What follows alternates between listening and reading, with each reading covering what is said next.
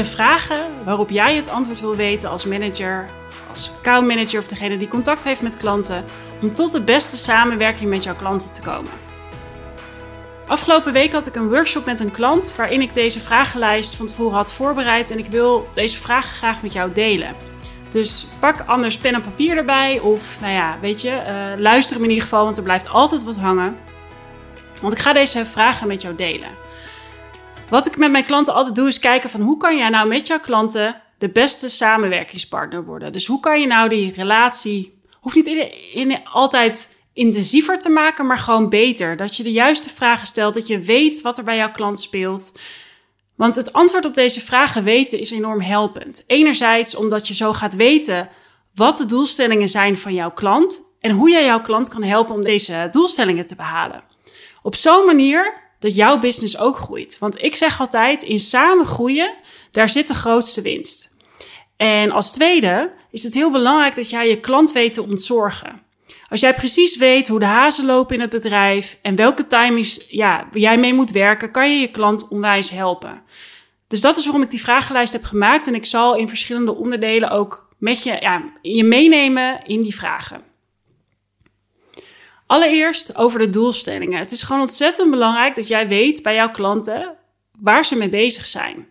Dus nog even een stapje terug. Het is niet dat ik zou zeggen: Oh, als je nog nooit met een klant hebt gewerkt, ga deze hele vragenlijst doornemen. Nee, ik heb deze vragenlijst gemaakt en ook dat ik met klanten kan doornemen van: joh, ik vind gewoon dat de komende tijd in de samenwerking met jouw klanten je op al deze vragen een antwoord moet kunnen hebben. Dus het hangt er ook even vanaf in welke fase jij met je samenwerking staat. Het zou ook heel goed kunnen dat je op best wat vragen al wel een antwoord hebt, of dat je daar puur een controlevraag op moet doen. Maar dan gaan we samen ook kijken van oké, welke meetings hebben we de komende tijd, of welke meetings gaan we inschieten met de klant en welke onderdelen gaan we daarin vliegen. Dus het moet ook zeker een opbouwend verhaal zijn, anders dan ga je een soort vragenvuur afstormen op jouw klant en dat is niet wat wij willen. We willen de klant ook helpen. Maar in ieder geval, het eerste onderwerp voor mij is doelstellingen. Het is ontzettend belangrijk dat jij weet wat de doelstellingen zijn van jouw klant. Dus wat zijn de KPI's, de Key Performance Indicators? Wat zijn de doelstellingen? Nou, allereerst zou ik altijd vragen: wat zijn de doelstellingen voor jouw categorie? Dus de categorie waar je het nu over gaat praten.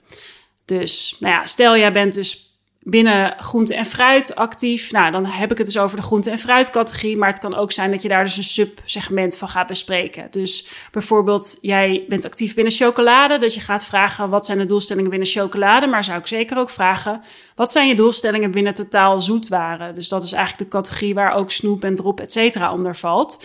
Want in dat schap ligt de chocolade weer. Dus ga echt van boven naar beneden die vraag stellen ga je ook altijd doorvragen. Dus is dit omzet? Is dit verkopen in verpakking? Is dit ook een bepaalde minimale verkopen van een product? Is er een bepaalde dervingsdoelstellingen? Met derving bedoel ik de kosten die je hebt omdat je producten moet weggooien in de keten omdat je ze niet meer kan verkopen.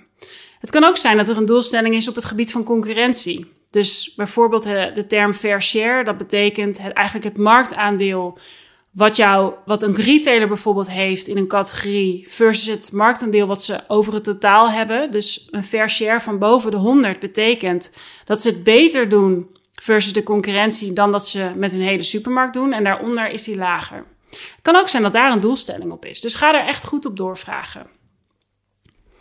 Als tweede, wat zijn de doelstellingen voor het bedrijf? Dus het kan zijn dat jouw klant een retailer of een groothandel is. Ik weet ook dat er mensen luisteren die juist weer toeleverancier zijn aan leveranciers. Dus die grondstoffen leveren aan uh, de hak, de, uh, de hessing, de Tony Chocolonely. Het kan van alles zijn, dan is dat jouw klant. Maar wat is voor het bedrijf de doelstelling? Dus zijn er bepaalde duurzaamheidsdoelstellingen? Zijn er bepaalde focuspunten die zij hebben?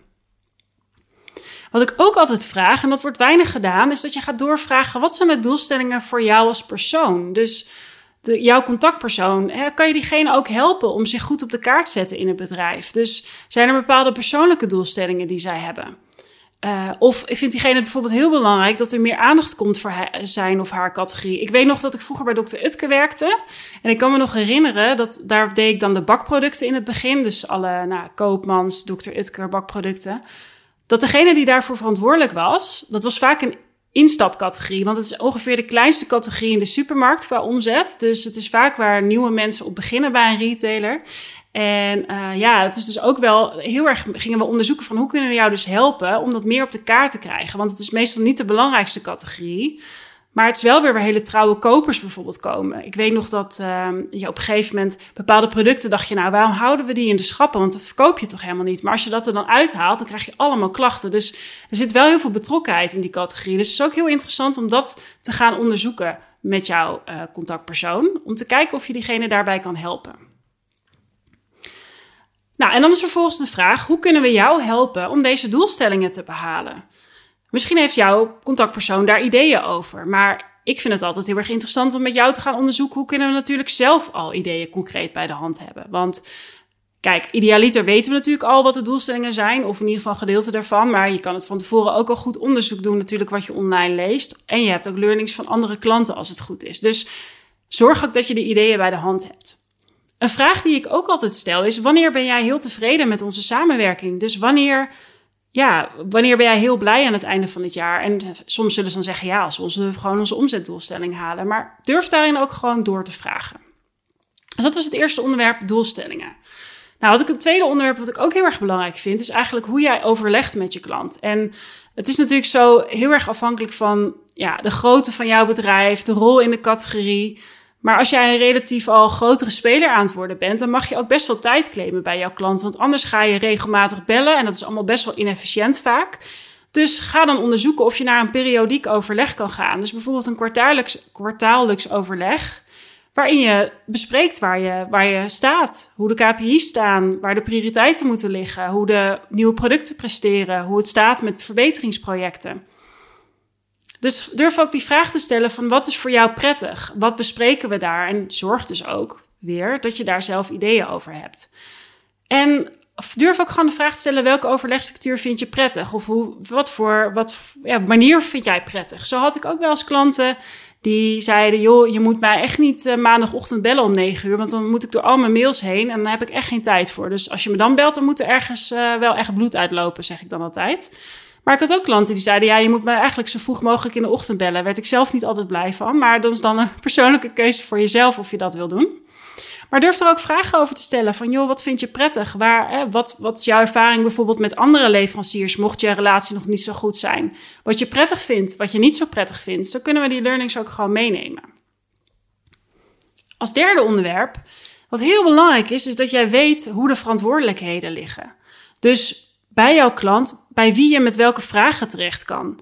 We zitten al enorm in een CC-cultuur. Dat zie ik bij al mijn klanten, waarin we de hele goede gemeente in de CC gooien, is niet altijd heel erg prettig en is ook zeker niet efficiënt. Dus stel ook de vraag: welke vragen stellen we aan jouw assistent? Wat geven we door aan jouw assistent? En dan mag het nog steeds zijn dat jouw contactpersoon zegt: zet me wel een CC. Maar het is gewoon heel prettig dat je op een gegeven moment weet: nou, als je een nieuw product aan moet melden, waar moet je dat doen, et cetera. En ja, dat je ook een modelletje eigenlijk kan gaan invullen, zodat je precies weet wie je moet hebben. En misschien zegt die persoon wel, nou, dat kan mijn assistentje eigenlijk heel goed vertellen. Ik vind het eigenlijk zonde om dat in deze afspraak heel erg diep op in te gaan. Ook helemaal prima, hè? maar dan geeft hij eigenlijk hiermee, hij of zij, uh, carte blanche om dat te gaan doen. Dit is heel erg belangrijk. En andersom is, is de vraag die ik altijd stel: is het voor jouw klant eigenlijk wel duidelijk wie ze moeten hebben, waarvoor? Dat zie ik ook heel vaak misgaan. Dat er niet één aanspreekpunt is, dat dus iedereen in de CC wordt gegooid, dat iedereen druk aan het rennen is. Maar ik geloof ook heel erg in een escalatiemodel, wat betekent dat jouw vaste contactpersoon bij jouw klant een vast contactpersoon bij jou heeft. En als er iets niet goed gaat, dat je ook kan escaleren. Want ja, als ze altijd maar naar de directeur gaan, dat is sowieso niet heel erg prettig. Maar je wil ook gewoon een stappenmodel hebben dat als het even wat minder gaat, dat je dan uh, ja, kan escaleren. Maar zorg dat het dus ook heel erg belangrijk is. Dus dat je bijvoorbeeld bij klachten, dat het duidelijk is wie ze daarvoor moeten hebben. Of bij uh, het afstemmen van de actiekorting. Of nou ja, het kan van alles zijn.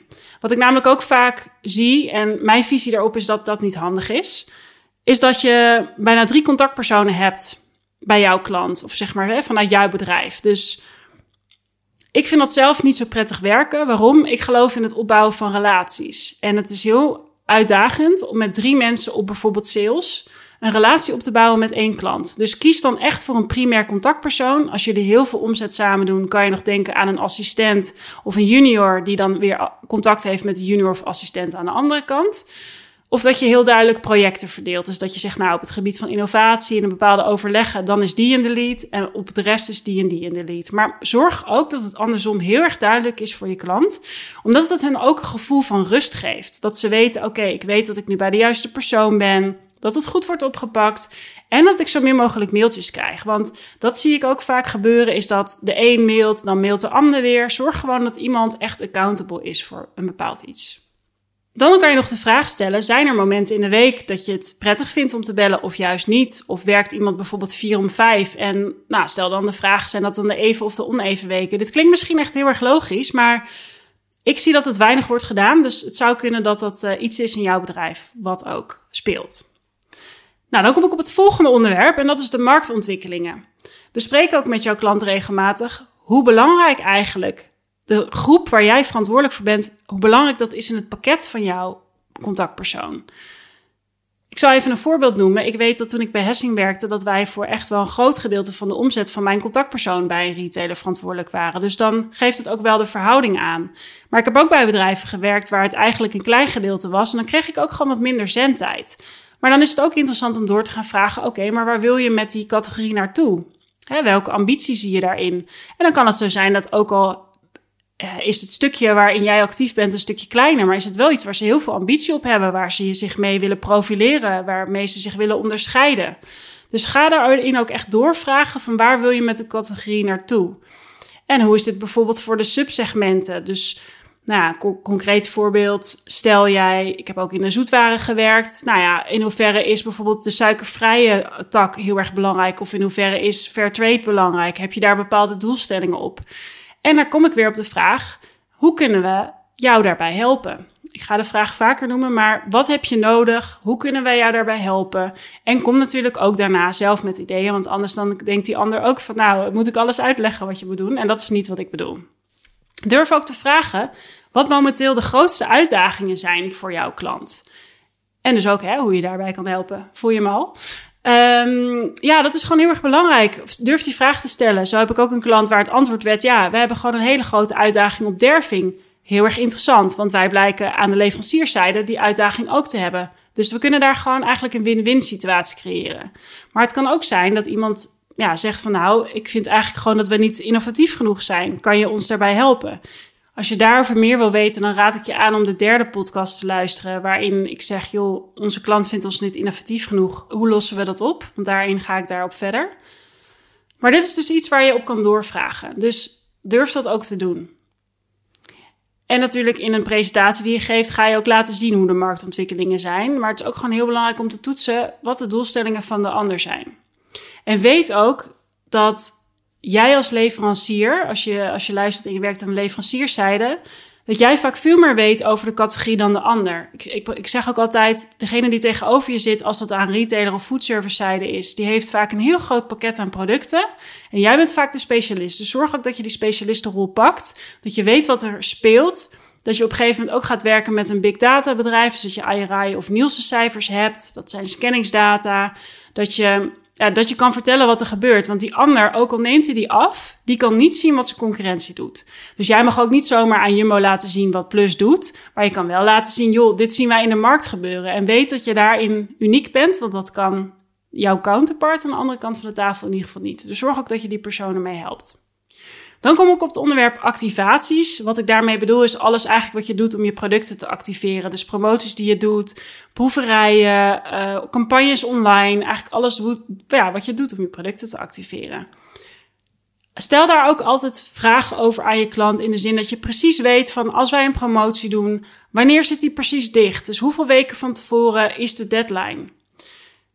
Zeker als je bij een merk werkt en vaak ook binnen houdbare producten, dan is het al vaak heel ver vooruit gepland. Maar dan nog kan er iets tussendoor gebeuren. Of jij ziet gewoon een commerciële kans voorbij gekomen gedurende het jaar. Dat je denkt, nou, hier moeten wij op inspelen. Dan is het gewoon heel goed om te weten, wat is de deadline voor een promotie? Dus ik zeg altijd, x min hoeveel, dus hoeveel weken van tevoren is de promotie definitief. Dan kan je daar gewoon rekening mee houden. En stel ik de vraag van, joh, zijn er bepaalde wensen die je hebt of bepaalde dingen die je ziet gebeuren bij andere categorieën, bij je collega's, dat je zegt, hé, hey, dat wil ik eigenlijk ook wel doen met mijn categorie. Of ja, wat zie je gebeuren wat wel loopt, wat niet loopt. Ja, en vervolgens gaan we natuurlijk in de presentatie ook laten zien wat wij zien gebeuren. Maar het is heel belangrijk om ook bij jouw klanten te toetsen. Dus als jij bijvoorbeeld ook een presentatie geeft van joh, dit zie ik gebeuren, toets ook even, klopt dit met wat jij ziet? Dat is heel belangrijk. En maak daarin ook een onderscheid met online en offline als dat relevant is. Je hebt natuurlijk inmiddels eh, retailers die alleen maar online zitten, maar je hebt ook retailers die zowel offline als online zitten. Dus zorg ook dat je daarop doorvraagt. En dan wil ik je altijd uitnodigen om ook na te denken welke verbeterprojecten zijn er voor jou en hoe kan je daar ook goed op doorvragen. Dus ik kom weer even op het voorbeeld derving, want dat vind ik wel een heel mooi voorbeeld. Dus dat betekent eigenlijk producten die je weg moet gooien in de keten, omdat je ze niet meer kan verkopen. En daar zit een bepaalde waarde aan. Dus je kan derving hebben aan de leverancierskant. Je kan zelfs aan de telerkant natuurlijk kan je eh, derving hebben. Je kan op het distributiecentrum derving hebben, dus die het vervolgens naar de winkels moet verspreiden. En je kan het in de winkel hebben.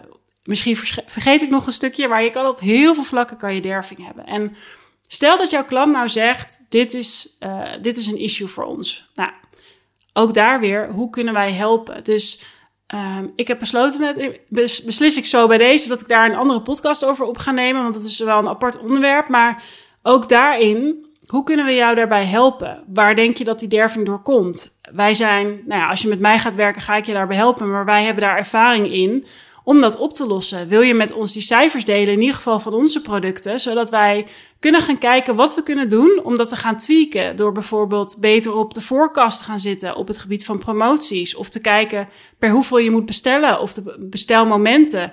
En ook echt met elkaar daar kijken hoe kunnen we dit nou oplossen op zo'n manier dat we hier allebei beter van worden.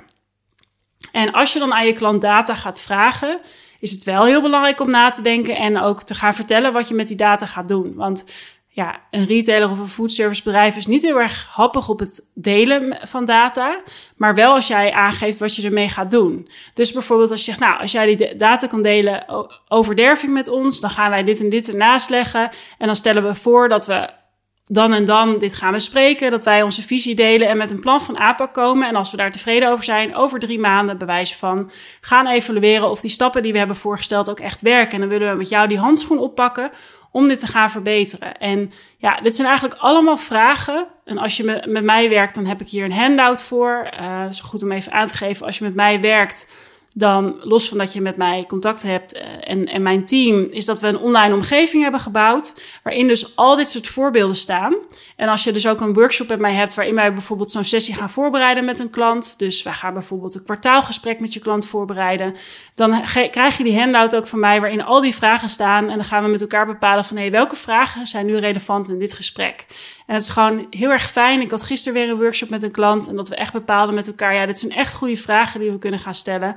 Om uiteindelijk, en ik kom er even terug op het begin die klant te gaan uh, ontlasten, ontzorgen. Dus dat je echt ja, weet wat er speelt. Dus je ontzorgt. Je weet hoe de hazen lopen. Je weet met welke timings, wie je moet hebben. En als tweede dat je dus weet wat de doelstellingen zijn en hoe jij kan helpen om die doelen te behalen. En het allerliefste wil je natuurlijk ook kansen laten zien waar jouw klant nog helemaal niet aan heeft gedacht. Ja, hoe fijn is dat? Dat is altijd iets waar ik met mijn klanten naar kijk van wat kunnen we nou voorstellen dat die klant van jou denkt, ja shit man, uh, en dat het liefst op zo'n manier dat het natuurlijk denkt dat het zijn of haar idee is. Hè? Dat is natuurlijk heel erg mooi. Ja, dat is dus wat ik met mijn klanten doe. En ik wil deze podcast wilde ik met je delen om je te inspireren om wat vaker goede vragen te stellen. Denk ook altijd na over, joh, wat heb jij nodig? Hoe kan ik je helpen? En natuurlijk ook meteen met een concreet voorbeeld te komen. Ja, dat was hem eigenlijk voor nu. Dus mocht jij zeggen, nou, ik uh, wil je eigenlijk wel meer over weten hoe jij dat aanpakt, want ik wil met mijn klanten ook een veel betere relatie krijgen. En hoe pak ik dat nou aan? Stuur me dan een DM, dat kan altijd op LinkedIn. En in de show notes zal ik nog even een linkje zetten hoe je met mij een gesprek kan inplannen om te kijken, vrijblijvend om te onderzoeken van beide kanten of daar iets in zit. En um, ja, voor nu wil ik ook zeggen, als je deze podcast goed vindt, vind ik het super tof als je, als je me een review geeft. Dat kan op Spotify door sterren te geven. En op Apple Podcast kan het ook om een review te geven. Uh, het liefst natuurlijk vijf sterren, maar dat is aan jou. Uh, omdat ik met heel veel liefde deze podcast maak. En ik vind het ook heel, heel erg tof om te doen. En ik wens jou heel veel succes om goede vragen te stellen aan jouw klanten. En um, ja, om weer mooie stappen te maken. Ik wens jou heel veel succes met de uitkomsten van deze podcast. En uh, ik hoop dat je je helpt om weer mooie stappen te maken in de gesprekken met je klanten.